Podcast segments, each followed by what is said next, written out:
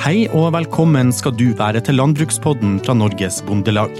Dette er podkasten for deg som er opptatt av norsk landbruk, og som lurer på hva som rør seg i næringa vår. Mitt navn er Kevin Karlsen Nordnes, og til vanlig så jobber jeg i avdelingen kommunikasjon, medlem og organisasjon her i Bondelaget. Visste du at du som bonde blir påvirka av WTO, altså World Trade Organization? Norge er ett av over 160 land som er med der, og i denne episoden så skal vi prøve å finne ut mer om denne verdensomspennende organisasjonen, og hva den har å si for deg som bonde. Og med oss i studio så har vi heldigvis eksperter på området næringspolitisk sjef i Norges Bondelag, Sigrun Pettersborg, velkommen. Takk. Og som ikke det var nok, så har vi første nestleder i Bondelaget også til stede, Egil Kristoffer Hoen, som har ansvaret for mye av det internasjonale arbeidet i Bondelaget. Velkommen til deg også. Takk for det. Vi går egentlig bare rett på sak, Sigrun. Hvorfor er WTO et tema som passer inn her i Landbrukspodden? Ja, WTO, altså Verdens handelsorganisasjon, den legger noen rammer for eh, landbrukspolitikken som påvirker både hva slags tollvern vi kan ha, og det påvirker hvordan vi innretter virkemidler og støtteordninger over jordbruksavtalen. Fordi at? De rammene som settes på, på virkemidler over jordbruksavtalen, eller utbetalinger til landbruket, det deler støtten inn i tre ulike bokser, altså tre ulike kategorier. Og da er eh, den, den eh, boksen vi har støtt borti, borti, nå, det er den gule boksen som har en fast ramme for hvor mye internstøtte som kan gis til eh, landbruket. Som er knytta direkte til produksjon, altså som er handelsvridende, som påvirker priser direkte. Så finnes det jo andre farger, både grønn og, og blå boks, har jeg hørt om. Det er helt riktig, og mens den gule boksen begrenser disse ordningene som knytter seg direkte til produserte enheter, så eh, er den blå eh, den er også, I den blå boksen, vi prøver å få de ordningene som passer inn i den, eh, de betales også direkte ut til bonde, eller er knytta til produksjon på en, en, måte, men det har noen begrensende faktorer ved seg. Altså det utbetales ikke til alt, eller til ja, deler av landet, eksempel. Eh, så det påvirker ikke handelen i samme grad. Eh, og så har vi den grønne boksen som er frikobla fra produksjon, egentlig. Altså den er knytta til hvordan produksjonen foregår, eh, og ikke liksom hvor mye du egentlig produserer. Hvorfor snakker vi mest om den gule boksen? For det er den det er en fast begrensning på. Det er den som gjør at vi nå må tenke gjennom eh, hva, skal, hva slags endringer vi trenger å gjøre for å ikke nå de, ikke inn, nå de begrensningene neste år. Det var, det var, eh, boksene, og den er jo en stor kanskje del av WTO. Eh, men, men hva var egentlig bakgrunnen da for at WTO ble, ble oppretta? WTO blei oppretta for å legge til rette for handel. Det er hele intensjonen med, med, den avtalen og den organisasjonen. Og Åssen kan du ha klare og forutsigbare regler for handel, uavhengig av hvem du, hvem du handler med. Eh, så er jo nesten alle, eller veldig mange land i verden er eh, medlem, Norge inkludert. Og det gjør jo at vi i landbruket har noen begrensninger, f.eks. i tollvernet som vi var innom, og i den utformingen av støtteordninger. Eh, og så legger det jo til rette for en del av eksportinteressene eh, til Norge som nasjon. Hvordan eh, hadde det Vil du si noe, Egil? Jeg bare syns dette er interessant. Og, og, så skal vi jo huske på at hele intensjonen bak WTO, som Sigrun Ennom er mer handel, og Eh, det ligger jo også i eh, jobbinga at de skal bygge ned handelsforstyrrende støtte, som sier. Altså, eh, de er jo ikke WTO blitt enige om de siste 20 åra hvordan de skal gjøre det, men de er fortsatt i en prosess. Hvordan skal de liberalisere ytterligere? De er, de er litt, på mange måter litt i utakt med den verden vi ser nå, men WTO har sitt mandat. De har sine oppdrag de skal utføre, og det handler om å rett og slett få mer frihandel altså, og, og lavere Eh, barrierer, eh, mens vi i Norge for eksempel, vi ønsker å ha høyere barrierer. da. Men, men, men tenk på det at det er 164 medlemsland i WTO, eh, i hvert fall det siste tallet jeg så. Så skal man bli enige om ganske mye. Hvordan går man frem for å få enighet blant så mange forskjellige interesser? det er et veldig godt spørsmål, og det viser seg vel at de har vel uh, i stort ikke klart det da, de siste åra, hvor du uh, sier at det skal, det skal, være konsensus, altså alle skal være enige om alle endringer innenfor WTO-regelverket. Og det å få 164 land til å bli enige, da må det være ganske runde formuleringer, eller det må i hvert fall være små justeringer underveis. og Det, det har sjelden det skjer noen store revolusjoner i WTO, men, men det kan skje. Og, og, så vil det være um, vi har jo stilt deg spørsmålet til den, de norske politikerne som jobber mye mot disse spørsmålene. Det er utenkelig å, å se for seg for at, nei, at, Norge skal legge ned veto i WTO uh, alene. Det, det, kommer vi ikke til å gjøre. Så små land må nødvendigvis følge, så vi jobber på en litt annen måte, da. Uh, men det kommer vi inn på seinere, tenker jeg. Sigrid, du har bedt om ordet. Ja, En av de siste tinga som man har klart å bli enige om i WTO, er jo å avvikle eksportstøtte, altså forby eksportstøtte. Mm. Og det er jo typisk et eksempel på det Egil er innom, fordi det er ikke mange land som eh, har brukt det. Eh, Norge var et av de landene som brukte eksportstøtte. Eh, så når Det blei det konsensus om, ja. at man skulle avvikle. Og da fikk det konsekvenser for Norge, Bl.a. Eh, for eh, Jarlsberg-eksporten. Ja, Hva skjedde der? Da er ikke det lov lenger, rett og slett, å, altså, å stimulere til eksport på, på, den måten. Altså eksportere med støtte. Eh, så det er avslutta. Men jeg lurer bare på, hvordan hadde det sett ut for norske bønder dersom WTO ikke fantes? Ja, nå har jo både norsk landbruk og landbrukspolitikken utvikla seg innafor de rammene som WTO gir, siden 1995, så det er egentlig litt sånn vanskelig å se for seg. I tillegg så har det skjedd ganske mange andre store endringer og sånn sett i handel og hvordan vi forholder oss til resten av verden på den tida. Eh, blant annet EØS-avtalen eh, e har jo på en måte hatt en, hatt en kontinuerlig utvikling. Eh, og hvordan vi handler med verden. Altså hva var omfanget av norsk oppdrettsindustri f.eks. i 1995 kontra i dag? Må vi spørre, eller stille spørsmål til deg og Egil som bonde. Hvordan merker du at vi er med, eller at Norge er med i WTO? Det er akkurat som Sigrun sier, at det er veldig vanskelig å se for seg hvordan det hadde vært uh, uten å ha 30 år nesten da, med WTO-avtale bak seg. Uh, men jeg tror jo og mener jo definitivt at eh, det norske systemet, norske modellen og norske landbrukspolitikken har vært veldig flink til å utnytte mulighetsrommet innenfor WTO-systemet fram til nå. sånn at Jeg tror ikke det hadde hatt noe stor innvirkning for meg som bonde. Eh, på måten jeg driver min gård på, eller prisen jeg får. Vi skal huske på at vi uansett må selge eh, varene våre i et marked i Norge, som også vil være utsatt for konkurranse med eller uten WTO, med eller uten importvern. Altså, vi, vi, vi har jo ofte en tendens til å fokusere mye på de uh, uheldige importkvotene som ligger der og sånne ting, men vi skal huske på hvordan hadde verdenshandelen og hvordan forholdene for norske bonden sett ut uten et regelverk da, rundt uh, uh, den internasjonale handelen. Så Eh, jeg skal ikke skryte av WTO på noen som helst vis, men eh, det har jo også sine fordeler, det å ha et slags regelverk der. Selv om vi, som vi har snakka om nå, at uh, intensjonen til WTO er å bygge ned uh, handelshindringer, så, så, har vi tross alt en mulighet for å utforme nasjonal landbrukspolitikk innenfor et gitt handlingsrom.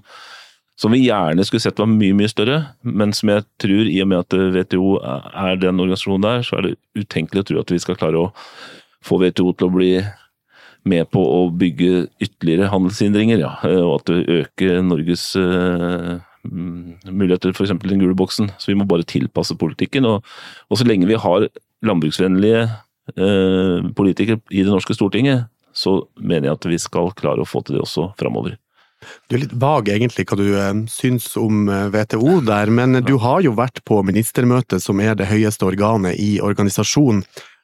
Kan du allikevel si litt om ditt inntrykk av WTO, altså som den store organisasjonen den er?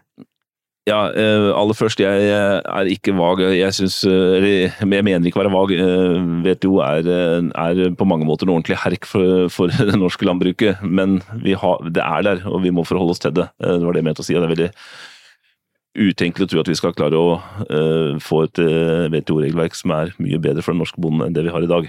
Så vi må utnytte det vi har.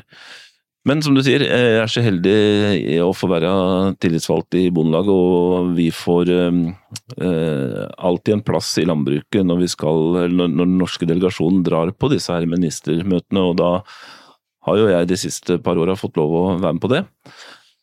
Eh, veldig, veldig interessant, veldig spennende, veldig lærerikt for selvfølgelig for oss som får være med, men ikke minst er det mye erfaring å hente og mange inntrykk å ta tilbake igjen til hvordan, hva skjer der ute i verden, hva kan vi se for oss kommer til å bli utviklinga neste åra. Og jeg kommer aldri til å glemme, jeg fikk sitte i en, eh, et paneldiskusjon i fjor og løfta selvfølgelig da fram uh, våre behov. Altså vi driver et landbruk på kanten av hva som er eh, mulig å produsere mat. Når vi kommer litt lenger nord i Norge, hvor det er korte vekstsesonger og det er helt andre produksjonsforhold enn f.eks. i Sør-Europa eller Argentina eller andre steder i verden. Og vi har også et kostnadsnivå i Norge som er så mye, mye høyere enn veldig mange andre, eh, særlig mateksporterende land, så vi er nødt til å beskytte den norske bonden for nettopp å kunne ha en økende selvforsyning og en høy norskandel.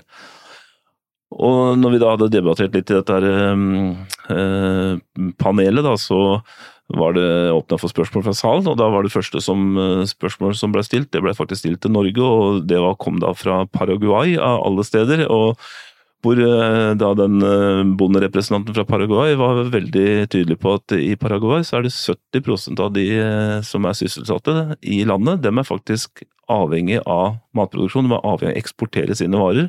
Og for at dem skal kunne ha en velferdsøkning i Paraguay, så var det veldig kritisk til at Norge skulle få lov å beskytte vårt marked, for de ville ha et marked å eksportere sine varer til. Så han kjemper for sine bønder, og jeg kjemper for mine bønder, og så er jo det en veldig sånn typisk uh, eller, uh, bevis på hvordan dynamikken i WTO er. Det er uh, veldig mange sprikende interesser som skal bli enige om et felles regelverk. Du sa jo det i stad, at alle må bli enige. Det, det, det, må jo være litt vanskelig?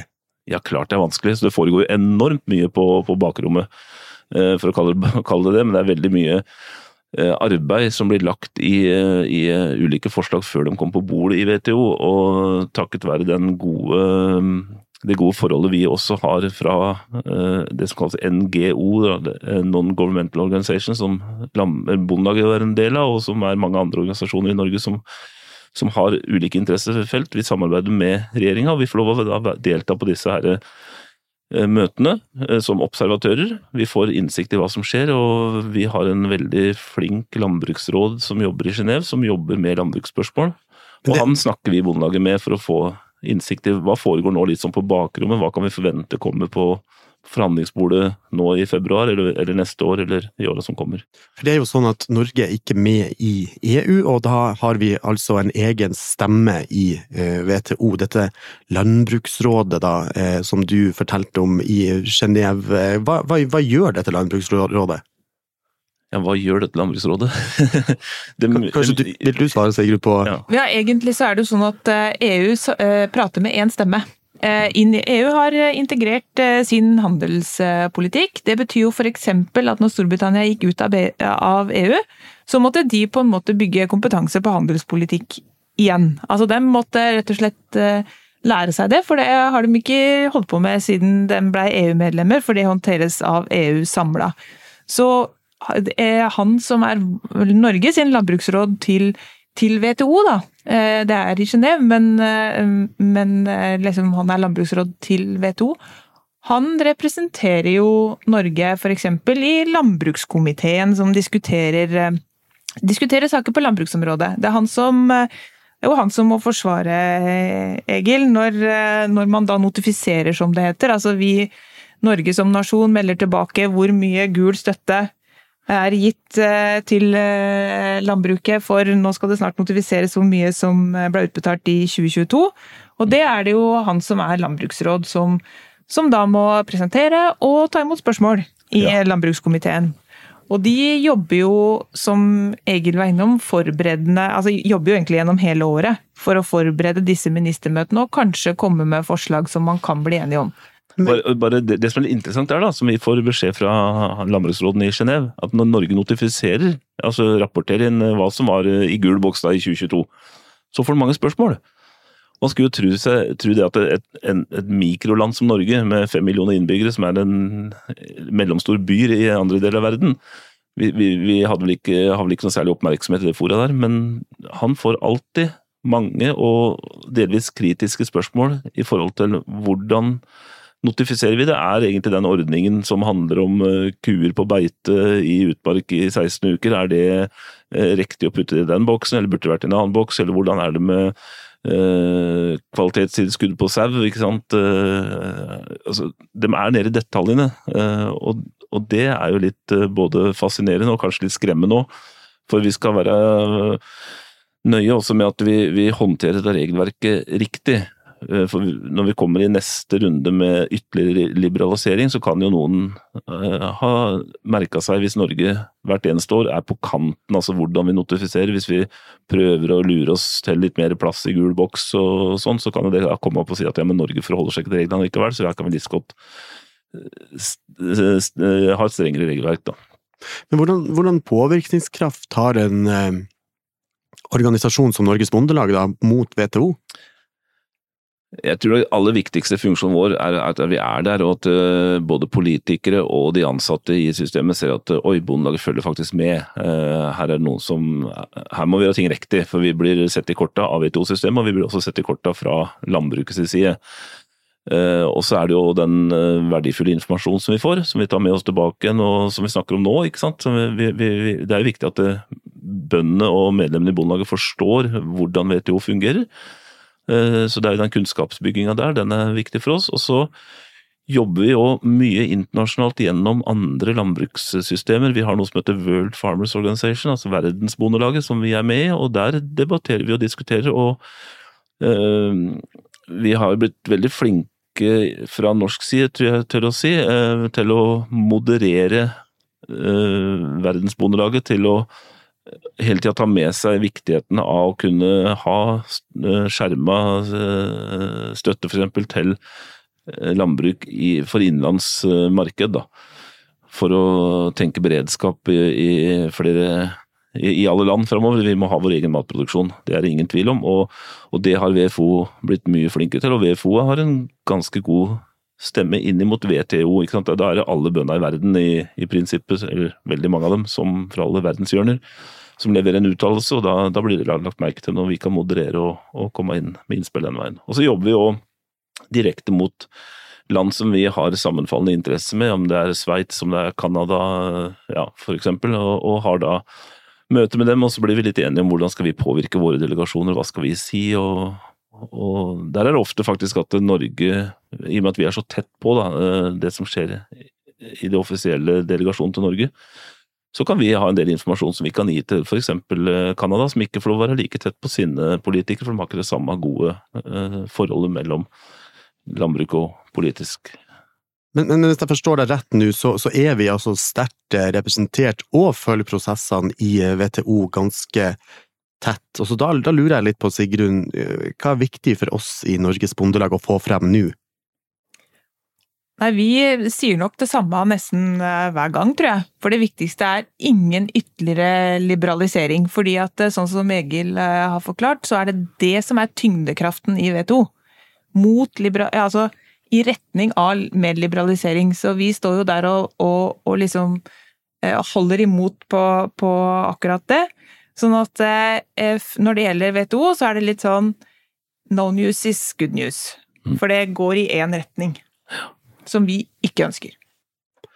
Og, og, hvordan kan vi eh, stoppe det, da? Spørsmålet er jo om vi får stoppa det fullt ut, men det har jo vært flere Nå nevnte jeg i stad, da når man blei enige om dette med eksportstøtte. Eh, men det er klart at du har hatt flere punkt hvor man nesten har vært enig om en ny avtale som da går i retning av, av mindre rom for internstøtte og dårligere, og dårligere tollvern. Og da er det jo sånn, eh, sånn som eh, Egil refererte til, eh, til Verdensbondelaget på en måte òg, at det er jo mange ulike interesser. Det er jo noen som er som oss, eller i hvert fall litt som oss, Eh, og det er en del organisasjoner som er opptatt av at eh, handel ikke nødvendigvis fremmer dem, de saka dem er opptatt av, eksempel miljø. eh, solidaritet mellom, eh, mellom land. Sånn at det er jo motkrefter.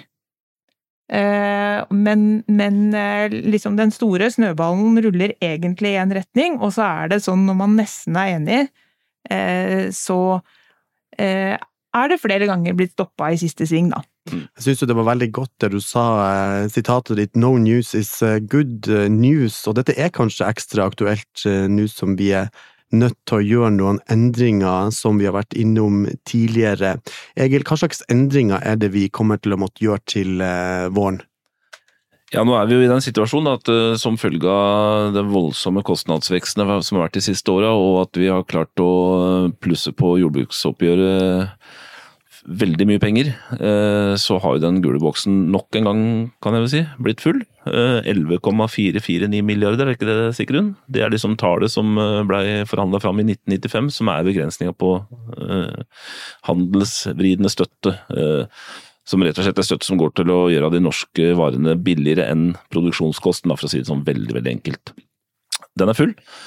Og vi har jo tidligere tatt ut enkelte produkter sånn jevnt og trutt fra den gule boksen. Dem som har vært bønder lenge husker jo at det var målpriser på mange flere produkter enn det er i dag. og nå har vi ikke målpris på noe kjøtt. Altså Målpris er jo de prisene som blir bestemt i jordbruksforhandlingene. Nå er det jo markedet som setter prisen på kjøttet, uten at det er eh, bestemt politisk. Og når det ikke er en politisk bestemt pris, så har det ikke noe med eh, gule boksen å gjøre, sånn i, i prinsippet. Eh, så nå står det igjen da melk, og det står igjen eh, de fleste kornsortene, og det er noen grønnsakssorter som er, har målpris. og det er satt ned et utvalg i årets jordbruksforhandlinger som skal jobbe med å finne en uh, mulig vei videre for å eventuelt ta ut en av de produktene som ligger med målpris nå, da. Så sitter jo jeg og Bodil Fjeltveit, som er andre nestleder i Bondelaget, i den arbeidsgruppa, sammen med representanter for de andre partene, altså Småbrukarlaget og staten. Og i det, i det arbeidet, og, og, det kommer også til å være viktig i innspillsarbeidet vårt fram mot jordbruksforhandlingene, så er det jo for så vidt ikke WTO vi konsentrerer oss om. Da er det åssen kan vi få best mulig markedsordninger og størst mulig sikkerhet eh, for bonden og de landbrukspolitiske måla innafor et nytt system. Altså hva, hva er det som er viktig at eh, at vi tar hensyn til når vi skal finne alternativer til målpris for enten eh, korn eller melk, eller begge deler. Og så, etter disse innspillsrundene da, og, og det, så, så lander jo dette på ditt bord, Egil, som sitter altså i forhandlingsutvalget. Hva, hva skjer der? Ja, det, det, er vi veldig spent på. Det er jo kanskje en av de aller, aller viktigste sakene jeg tør si på flere år, eh, som vi skal ha direkte inn i jordbruksforhandlingene. For det, dette kommer til å, å, å, påvirke både landbrukspolitikken og ikke minst eh, bonden, da, rett og slett. De, i, i, mange år fremme hvordan vi får rigga dette systemet. At vi får et veldig, veldig godt system rundt den varen som må ut av målprissystemet. At vi får ivaretatt alle de funksjonene som Sigrun er innom her, sånn som, som bonden er helt uh, avhengig av. Uh, vi, vi, må sørge for at vi, får en forutsigbarhet. Vi kan ikke vi, vi, må forholde oss til markedet, men vi, heller, vi, ønsker heller ikke priser i norske landbruket som går opp og ned hele tida, hvor melka eller kornet har ulike priser gjennom året. Det blir veldig krevende for bonden å forholde seg til, så vi skal sørge for at vi har de gode mekanismene. Og det Eh, den arbeidsgruppa kommer med sin anbefaling i løpet av vinteren. Eh, og så er det, som du sier, Kevin, til slutt og sist, eh, så er det jo forhandlingene dette skal avgjøres. Så vi må ha gode argumenter i, i bakhånd når vi går inn i forhandlingene til våren også på dette temaet. Det blir spennende å se hva som skjer da. Ja. Sigrun, du har bedt om ordet. Ja, men så er det jo sånn at Egil kommer jo til å ha med seg noen gode råd, fordi at dette blir jo så som jeg sa, utrolig viktig i innspillsarbeidet. Sånn at nå holder jo vi allerede på å forberede det som skal sendes ut til lokallaga i det her studiearbeidet, og der må vi jo presentere nettopp de problemstillingene her. Eh, hva er det som er viktig å ta vare på hvis man skal endre prissystemet for melk eh, eller eh, korn? Det kommer vi til å spørre, spørre lokallaga om. Hva er det viktigste å ivareta? Og da må vi også huske på det at det er to veldig ulike produksjoner. Altså, melk er på en måte en veldig viktig vare i norsk landbruk og ryggraden i distriktslandbruket på mange måter. Så hva skal skje hvis vi ikke kan sette målpris på dem, hvis ikke staten liksom skal være med på den eh, biten der?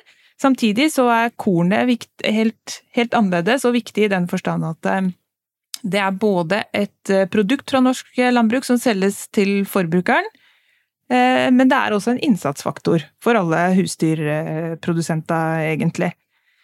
Eh, så, så, hva er må Hva er det vi må huske på når vi skal eh, vurdere ulike modeller for hvordan det skal gjøres videre? det er jo først og fremst hvordan prisen skal settes da, videre. Og den prisen som skal som man får for produktene sine, som bonden får for produktene sine, det er jo ikke sånn at det eh, kun er avhengig av landbrukspolitikken. Tvert imot så er det jo først og fremst markedet som avgjør hva slags pris som eh, man kan ta. Hva er, eh, hva er konkurransen?